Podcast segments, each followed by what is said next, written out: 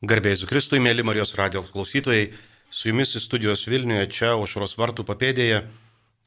Esu aš, kunigas Kestutis Dvareckas, o laidoje Dievas gydo. Mes bandom žiūrėti į priklausomybių fenomeną ir pa, kaip tą pagalbą iš Dievo galima priimti, išgyventi, kaip leisti tiems taip trokštamiems pokyčiams pasiekti kenčiančių gyvenimus.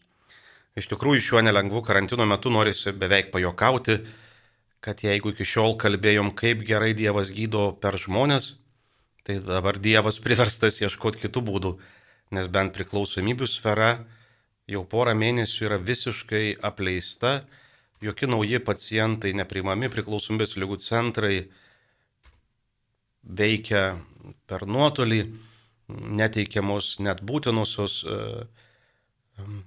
abstinencijos gydimo paslaugos, ką perėmė kai kurios ligonės, ačiū lasdynams ir, ir kitoms, kurios mm, bent kiek pagal jėgumus tengiasi atliepti egzistuojantį poreikį. Kai kalbam apie priklausomybės, dažniausiai turbūt visi mastom apie alkoholį ir teisingai darom, tai labiausiai išplitusi priklausomybės forma mūsų krašte ir narkotikus. E, tą labai aiškiai matom, greita degradacija, Čia ir dabar žiniasklaida kalba apie mm, taboro likvidavimą, apie naujus kvaišalus ir taip toliau. Bet rečiau susimastom apie elgesį, kuris yra lyguistas arba vedantis į lygas, ar, ar medikamentus, kuriuos dažnas naudojam problemams spręsti. Tad šiandien pirmoje laidos dalyje e, kviesiu būtent pažiūrėti į medikamentus ir elgesį, kuris gali būti priklausomybių mm, paliestas. Yra toks nuostabus gydytojas mm, Robertas Badaras, tarnaujantis lasdynuose, toksikologijoje. Tai jis kalba, kad didelė dalis Lietuvo žmonių turi labai iškreiptą supratimą, kas yra vaistai. Tai, kas legalu, e, dažna suvokiam kaip tai, kas nebijotinai yra gerai. Ir tokio požiūrio padarinys vis daugiau ir mūsų krašte žmonių kenčia nuo labai klastingos priklausomybės nuo vaistų. Gydytojas Robertas sako, neneigiu vaistų poreikio, pats juos kaip gydytojas išrašinėju, tačiau visuomet pasisakau už atsargų vartojimą, atidžiai klausantis rekomendacijų. Yra sakoma, kad tuo pačiu peiliu galima raikyti duoną ir persipjauti venas. Todėl peilį galime duoti tik tam, kas jau moka juo elgtis. Ta pati galima pasakyti ir apie vaistus. Visos bėdos prasideda, kai žmonės imasi gydytis patys, vadovaudamiesi informacija gauta iš nepatikimų šaltinių. Deja, šiandien tenka konstatuoti, kad Lietuvoje medicamentinė psichiatrija vis dar akivaizdžiai dominuoja prieš nebedikamentinius psichinių sutrikimų gydimo būdus. Daugelis raminamųjų vaistų siekia neutralizuoti sutrikimo simptomus, bet ne jų priežastį. Todėl neretai šie vaistai ilgainiui tampa dar didesnė problema nei ta, kurią jais bandyta spręsti. Nors farmacijos pramonė iš tiesų bando mažinti šalutinius vaistų poveikius, tačiau jų visiškai išvengti praktiškai neįmanoma. Kiekvieno vaisto vartojimas turi savo kainą. Veikia kepenis, inkstus, imunitetą ir taip toliau. Dažniausiai pripratimas, kuris ilgainiui gali peraukti į žalingą priklausomybę, susiformuoja vartojant taip vadinamus raminamuosius ar nuskausminamuosius vaistus. Kaip ir narkotikų atveju, pirmiausia pradeda didėti tolerancija. Tai yra, vaistų norimam poveikiui pasiekti reikia vis daugiau. Taip pat susiformuoja sudėtingas abstinencijos sindromas, kai nutraukus vaistų vartojimą prasideda būsena, kuri paprastai sunkiau pakeliama nei ta, kurią bandant palengvinti vaistą ir pradėjom vartoti. Gydytojas Robertas tvirtina, kad mūsų laikais vaistų vartojimas priima, primena polinkį greituosius kreditus.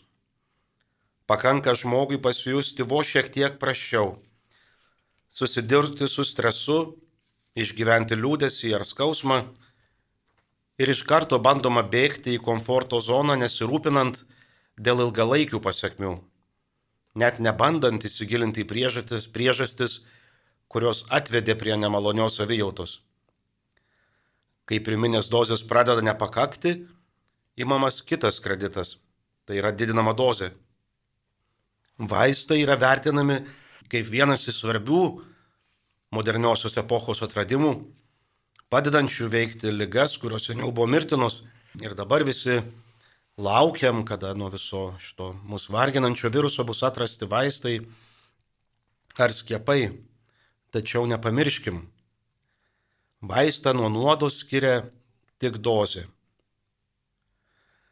Praktiškai nėra tokio didelio skirtumo tarp narkomanų ir farmakomanų žmogaus priklausomo nuo legalių, nuo legalių vaistų.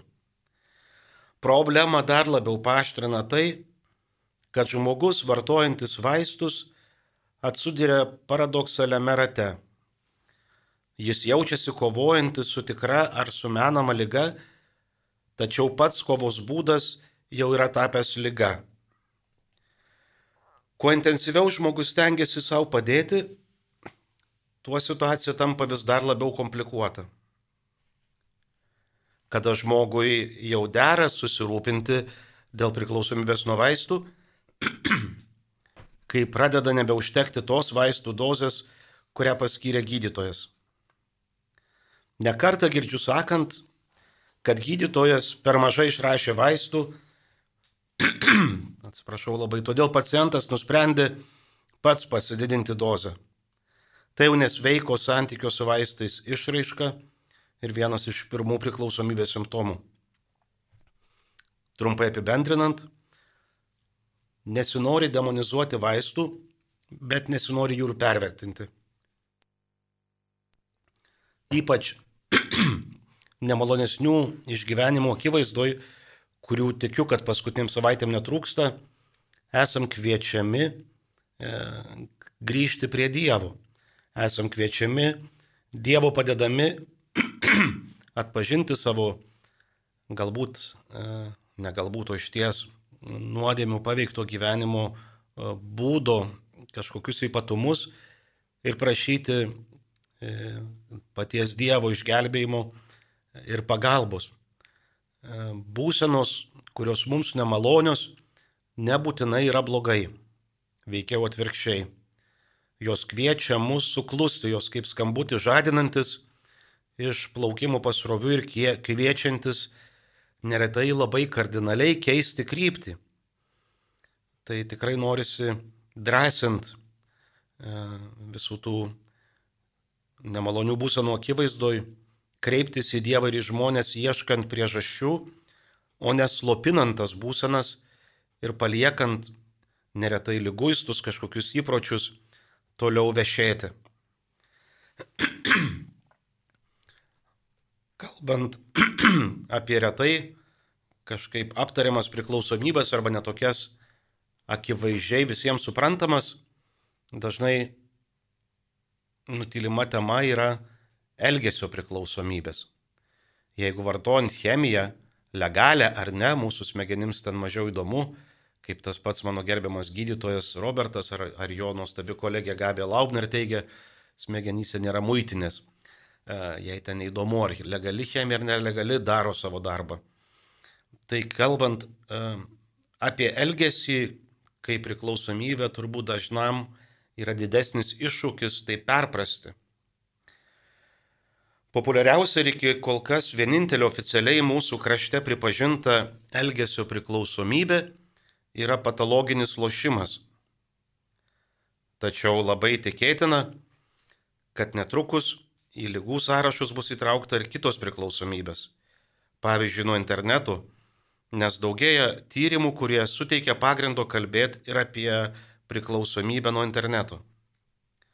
Taip pat vis garsiau pradedama kalbėti apie priklausomybę nuo sekso, svarstoma ar darboholizmas bei pirkimų manija taip pat galėtų būti įvardinti kaip priklausomybės. Bet pirmiausia, apie priklausomybę nuo lošimo. Tai, kas šiandien įvardyjama kaip priklausomybė nuo lošimo, ilgą laiką buvo traktuojama tiesiog kaip charakterio įda. Praktiškai tik 20-ojo amžiaus pabaigoje pradėti išsamus moksliniai tyrimai, kurie naujai paskatino pažvelgti į žmonės, kuriems lošimų keliamas susijaudinimas užgožia visą kitą. Lošimas Lošimu vadinama tai, kas turi rizikos elementą ir dėl to jaudina. Jo metu siekiama pageidautinų rezultatų, kuris mažiau, mažiau ar daugiau priklauso nuo atsitiktinumo ir sėkmės. Pats lošimas savaime nėra nei amoralus, nei vertintinas kaip psichikos sutrikimas. Juk yra žmonių, kurie mėgsta lažintis, dalyvauti loterijose, lankosi kazino ir tai nesukelia jiems taip greit įvairiausių problemų. Tačiau netiesa ir tai, kad priklausomų nuo lošimų žmonių tai yra kažkaip išimtiniai atvejai arba vienetai. Deja, tūkstančiai. Ir šis skaičius sparčiai auga. Džiaugiuosi iniciatyva mūsų krašte, lošimų tarnybos vykdoma nenoriu lošti.lt. Ten matom, kiek daug žmonių patys prašo nebeleistiems lošti, nes tuos skaudžius padarinius patiria ir jie, ir jų mylimi žmonės. Tarptautinėje lygų klasifikacijoje patologinis lošimas įvertintas kaip psichikos ir elgesio sutrikimas. Jis čia apibrėžiamas kaip dažnai pasikartojantys potraukio azartiniams lošimams epizodais, kurie taip užvalgo, užvaldo žmogaus gyvenimą, kad atsisakoma socialinių, darbinių, materialinių ar šeimininių vertybių bei visų įsipareigojimų.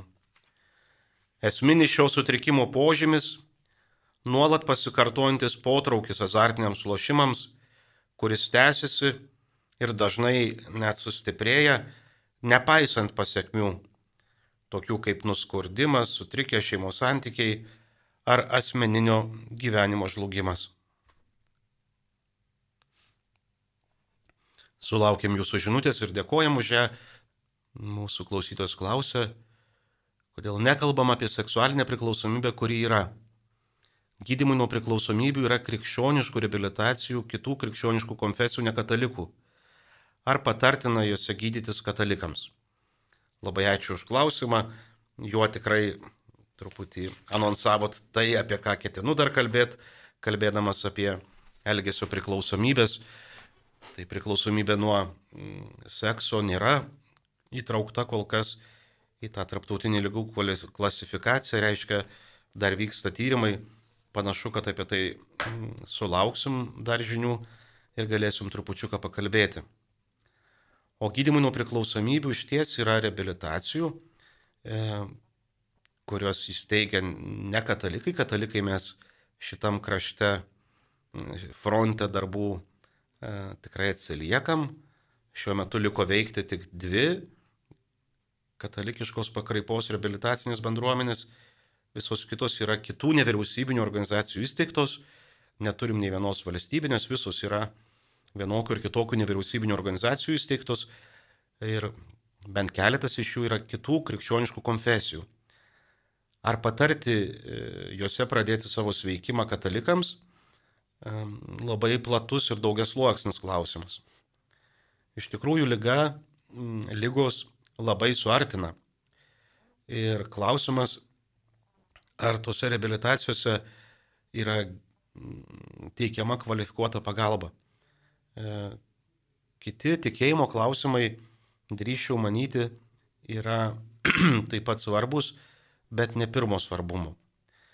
E, visuomet rekomenduoju kreiptis tik į licencijuotas bendruomenės. Ką turiu omeny? Berots iki 2015 metų reabilitacija galėjo vadintis kas tik nori. Bet kas turintis šiek tiek iniciatyvos gali įsikabinti iškabą gydimas nuo priklausomybių, ir nepatvirtintais metodais mm, mėginti padėti neretai e, tikrai labiau pakenkiant. Tai ir šiuo metu Lietuvoje reabilitacijas galima skirstyti į licenzijuotas ir nelicenzijuotas. Nuo 2015 metų taip pat ir mūsų bendruomenės, karito bendruomenės aš esu, iniciatyva atsirado licenzijavimas. Tai reiškia, kad narkotikų kontrolės alkoholio departamentas patikrina bendruomenės, kuri trokšta teikti šitą pagalbą, e, patikrina metodiką, programą ir ją patvirtina. E, tai visą licenzijuotų bendruomenių sąrašą, jis kintamas, jų berots yra apie 15 šiuo metu, kiek žinau, dar porą siekia to pripažinimo, rasite e, ntakd.lt puslapyje. Narkotikų, tabako, alkoholio kontrolės departamentas ntakd.lt atsidarius skirsnį reabilitacijos išmes sąrašą licenzijuotų bendruomenių. Kai kurios iš jų yra, kaip sakot, kitų krikščioniškų konfesijų, bet į jas galima drąsiai kreiptis, mm, nes mm, ten teikiama mm, kvalifikuota pagalba. Tai dar kartą ačiū už klausimą, o prie tų kitų priklausomybių tuoj bendrom pastangom ir prisikasime. Taigi labai svarbu, kai kalbam apie elgesio priklausomybės, įsisamoninti, suvokti, kad šios priklausomybės sukelia tokius pat išgyvenimus kaip ir cheminės priklausomybės. Labai didžiuojasi galimybę dirbti e, su jau ne pirmą dešimtį priklausomiems žmonėms, tarnaujančių socialinių darbuotojų Albinų Šnipu. Tai jisai kalba, kad narkomanija socialiai smerkiama vis griežčiau, pasisakoma ir prieš alkoholį, o lošimas vis dar suvokiamas kaip visiškai normalus dalykas. Žmonės net nesusimasto, jog ne tik dozės ieškantis narkomanas arba kiringas alkoholikas, bet ir patologinis lošėjas yra asmuo, kuris gali padaryti bet ką, kad tik pasiektų norimą tikslą - net vokti ar užpulti kitą žmogų. Kai kalbame apie priklausomybės nuo lošimo formavimąsi, galime skirti tris etapus. Pirmiausia, būna laimėjimų etapas, kaip žmogus užkabinamas, taip liaudiškai kalbant. Tai etapas, kai žmogus jaučiasi atradęs aukslo gyslą. Kitas etapas - pralaimėjimų ir nesėkmių. Netrukus lošėjas įsivelia į vis augančias skolas. Ir labai greitai ne į gerą keičiasi santykis su aplinkiniais, kur dominuoja manipulacijos ir melas. Trečioji fazė - neviltis. Kai žmogus pradeda suvokti praradimus, bet negali pats sustoti, nes jau yra valdomas priklausomybės. Priklausomybės nuo lošimo yra nemažiau pavojingos, o kai kuriais aspektais kalbant, gal net greičiau atnešančios tokius didžiulius praradimus, kokių joks alkoholikas ar nuo kitų kvaišalų priklausomas asmuo taip greit nepatiria. Sulaukime dar vieno jūsų klausimų. Ačiū už jūsų žinutės. Garbėsiu Kristui. Vaikinas intensyviai žaidžia smurtinius kompiuterinius žaidimus, nenori mokytis, dirbti, tapo grubus ir vangus. Kur ieškoti pagalbos? Labai ačiū už jūsų klausimą.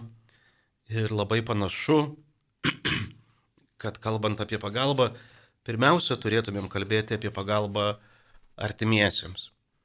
Nes vaikinas, kaip matot, kol kas mm, atstumia e, ten vangus, grubus, sakot, ir, ir ignoruoja situacijos rimtumą, bet šalia esantis e, sveikas asmuo e, mato, mm, kaip dramatiškai vyksta mm, degradacija ir kiti nemalonūs pokyčiai. Dėl to tikrai labai labai drąsinu artimuosius.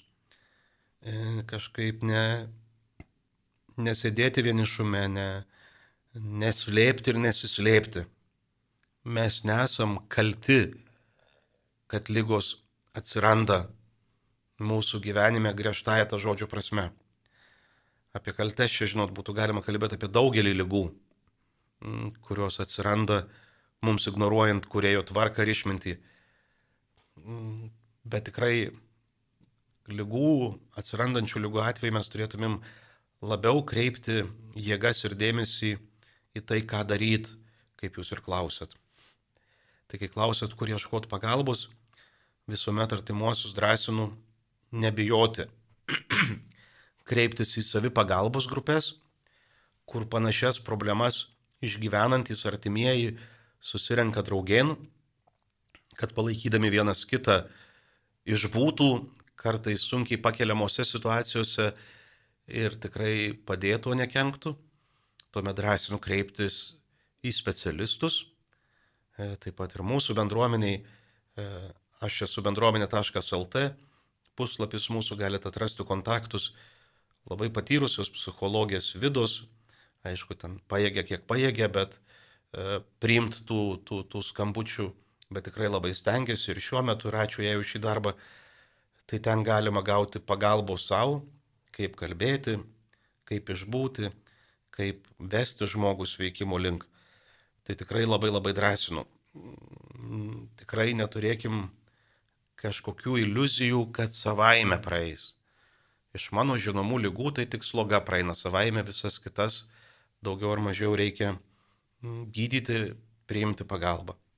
Tai labai ačiū už pirmą laidos dalį. Antroje tęsim toliau apie netiesioginės priklausomybės, apie elgesio priklausomybės taip pat. Su jumis šioje laidoje esu aš, kunigas Kestutis Vareckas. Dar kartą dėkoju už jūsų žintas, kurias rodo, kad kalbam ne su sienom, o vieni su kitais. Ir kai mes kartu, tai tikrai nyksta Mm, tos terpės, kuriuose gali mm, gimti lygos įvairios. Tas gydantis e, bendrumas, solidarumas mm, iš tikrųjų ypatingai svarbus taip pat ir šiuo metu. E, tai gavom telefonu žinutę, kokiosgi yra katalikiškos rehabilitacijos nuo priklausomybių ir ar dar egzistuoja pilnų namų bendruomenė. Tai ačiū už klausimą. Tai kiek aš turiu informacijos, tai yra dvi Mm, bendruomenės licencijuotos, kurios, kurių steigėjai yra katalikų bažnyčios mm, organizacijos, karitas ar, ar, ar, arba šai. E, tai priklausomos menų bendruomenė aš esu, kurioje tarnauju ir jūsų klausimai minima, minima pilnų namų bendruomenė. Čia jūs parašėt viską didžiosiomis raidėmis, tai turbūt žinot, e, kad bendruomenės yra gyvas organizmas, patiriantis įvairius augimo etapus, įvairius taip pat kartais ir kažkokius sunkesnius etapus, kurie padeda naujai sustiguoti, iš naujo kažkaip susimotivuoti. E, tai pilnų namų bendruomenė, mano turima informacija tikrai egzistuoja kaip rehabilitacijos įstaiga ir teikia pagalbą įvairius priklausomybių pastus patekusiems žmonėms kalbant apie katalikiškas iniciatyvas, aišku, negalim nepaminėti nelicenzijuotų bendruomenių, kurios geranoriškai priima žmonės e, pabūti, susivokti, atrasti sveikimo kryptį. Tai Padubysio kaime, visiems turbūt mums žinoma Žanas, turi bendruomenę ir ten dabar gimė labai graži ir moterų bendruomenė, kur galima važiuoti pabūti, dažnai iš ten vyksta tada į Minnesotos programą ar į kitas bendruomenės, gauti specifinės pagalbos ir toliau tęs veikimą tose bendruomenėse. Tai tikrai drąsinu visus brolius krikščionis pagal galimybės tarnauti įvairiom lygom sergantiems, taip pat ir šią vis dar stigmatizuotą lygą Lietuvoje sergantiems asmenims. Garbėsiu Kristui, rašo kitas klausytojas, ar gali būti priklausomybė religinių knygų pirkimui? Ar tai tik saviapgaulė ieškant atsakymų į savo nuolatinį vidinį nerimą, tuo labiau, kad aš jų neįstengiu perskaityti, o dažnai man jos per sunkios ir nesuprantamos. Ačiū labai tikrai už atvirą klausimą. E, Teisingų atsakymų, kaip žinot, reiktų ieškoti ne, ne pas mane, o, o pas save.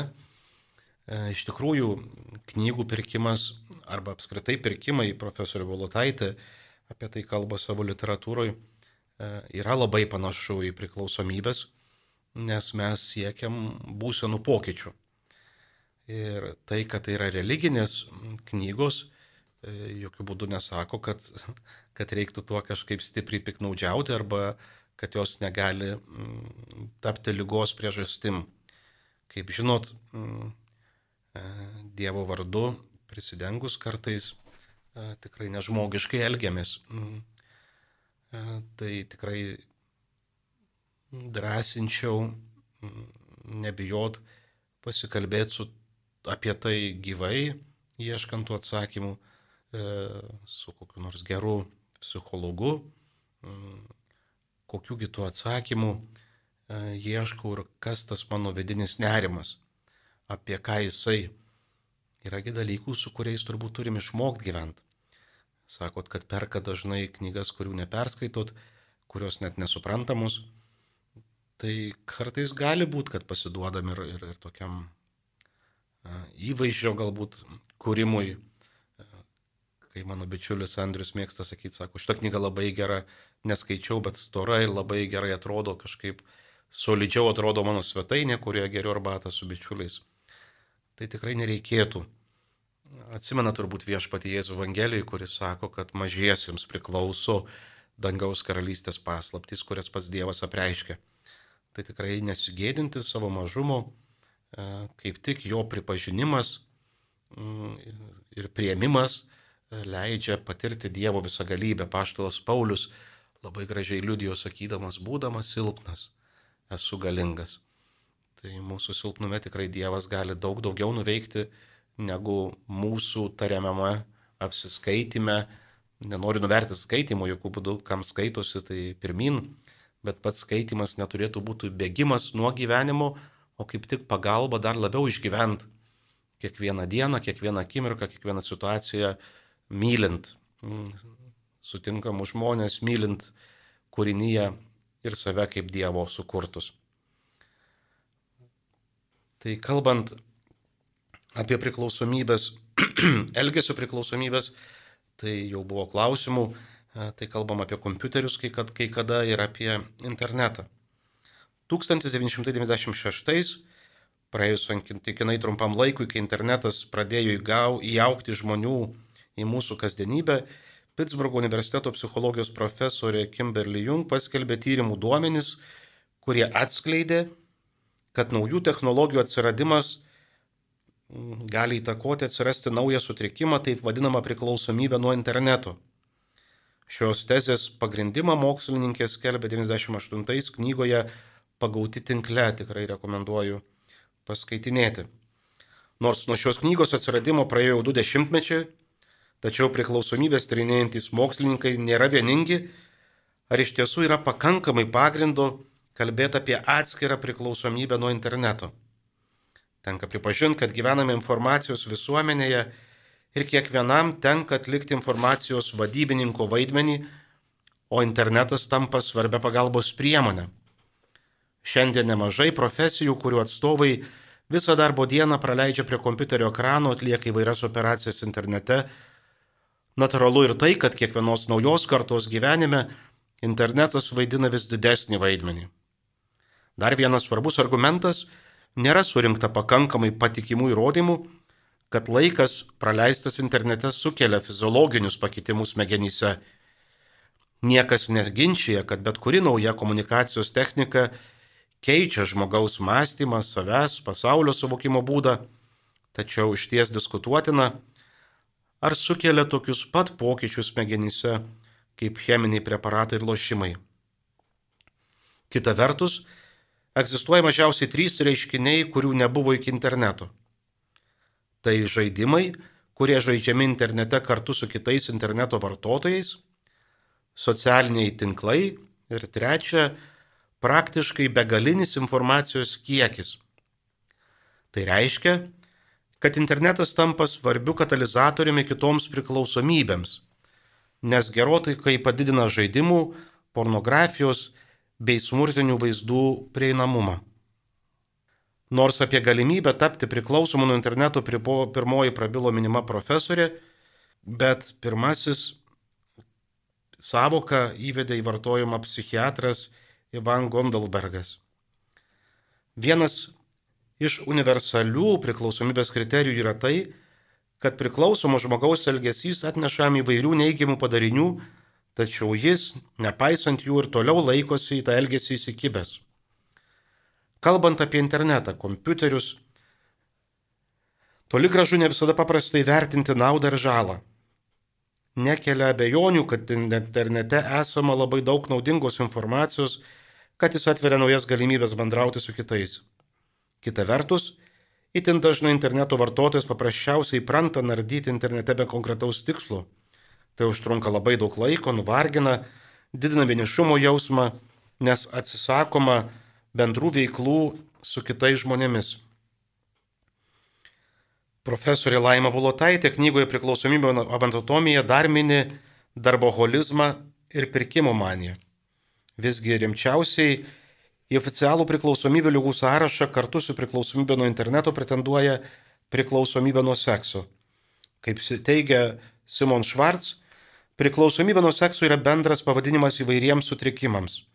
Tai priklausomybė nuo seksualinių santykių, kompulsyvus lankymasis pas prostitutes, striptizo klubuose, kompulsyvus pornografijos žiūrėjimas, sekstingas, erotinių nuotraukų siuntinėjimas ir gavimas – priklausomybė nuo sekso virtualioje erdvėje, erotiniai surasinėjimai internete ir taip toliau. Visos šios grupės turi bendrą bruožą. Kitas asmuo yra sudaiktinamas. Švarts teigimu priklausomybė nuo sekso turi visus kitoms priklausomybėms būdingus bruožus. Tai neįgymą, augančią toleranciją, pokyčius smegenų apdovanojimo sistemoje, stiprų dažnai neįsisamonintą gėdos ir savęs merkimo jausmą. Kodėl dėlsiama tai pripažinti medicinos mokslų ligmenyje? Viena iš priežasčių - neturim įgūdžių aptarinėti seksualinio elgesio viešumoje, nenupuldami nešvankybės ar patyčias. Įtin retai žmogus, net ir prispaustas, su seksualiniu gyvenimu susijusių problemų pripažįsta tai medikams. Taip pat ir artimieji paprastai yra įsitikinę, kad čia skirtinai šeimos vidaus reikalas, apie kurį gėda ir neprimtina kalbėti viešai. Ir pabaigai sulaukiam jūsų poros žinučių, kurias greitai atsakysim. Garbėsiu Kristui turi vienišumo priklausomybę nuo mamos mirties, jau šeši metai retai vakarė nueinu į parduotuvę, kartą per mėnesį pas gydytoją. Nenoriu su nieko bendrauti nei gyvai, nei per telefoną, net į bažnyčią neinu. Karantinas man vieni niekai, nes taip daug metų gyvenu, net neklausau muzikos ir pats neskambinu klavišiniais, nors labai mėgdavau. Ar mano padėtis bloga? Ačiū klausytojas. Ačiū už jūsų atvirumą. Tikrai situacija, apie kurią e, kalbat, mm, yra įtempta ir, ir nepadeda gyventi ir išgyventi. Tikrai ta izolacija, e, tas kažkoks įstrigimas, jeigu gerai suprantu, gedėjime, mm, neįsveikata. Tai labai labai drąsinu jūs išdrysti apie tai kalbėtis su specialistais. Kalbu apie dvasininkus, kalbu apie celovadininkės, kalbu apie psichologus. Tikrai kartu galima išeiti e, net iš tokios krizės praturtėjus. Tikrai drąsinu. E, kokia galimybė patekti į aš esu bendruomenę, klausė kitas klausytojas, berots didelės eilės. Iš tikrųjų, eilės dažnai egzistuoja, Ir labai būna sunku pasakyti, kad, kad negalim šiuo metu priimti, o patys puikiai suvokiam, kad motivacija žmogaus nėra akmenyje iškalta, jinai sviruojanti, šiandien nori, rytoj ne. Bet jeigu klausite apie šį metą, tai šiuo metu yra kelios laisvos vietos, pakliūti karantino metu yra sudėtinga, reikia kreiptis į šeimos gydytoją, gauti siuntimus ir taip toliau. Tai drąsinu skambinti bendruoju numeriu, gauti informaciją. Ir kitas paskutinis klausimas. Ar pilnų namų bendruomenėje randasi ten pat, kur buvo ir vadovavo jos įkūrėjas kunigas Valerijus Urzinskas, kur yra dingęs minimas kunigas? Tai e, labai ačiū už klausimą. Taip, šią bendruomenę e, įsteigė ir ją ilgus metus vadovavo e, jūsų minimas kunigas, o kuris yra šiuo metu, tikrai neturiu pakankamai informacijos kad galėčiau jas skelbti, e, bet kuriuo atveju hm, drąsinu tikrai melstis e, už minimą kunigą, už minimas bendruomenės, tiek mūsų bendruomenė, tiek visas kitas bendruomenės, e, melstis už vieni kitus, ir tikrai sulauksim to prisikėlusiojo vilties ir savo skausmingose klygatviuose. Ačiū Jums visiems už šiandieną susitikimą. Tikrai iš visų savo bėdų, iš visų savo klygatvių bėkim prie Dievo visos laisvės šaltinio, išganimo, išgydymo, išgelbėtojo ir pamatysim, kad yra lygų, kurios skirtos Dievo visagalybės, Dievo garbės apsireiškimui. Gražios dienos.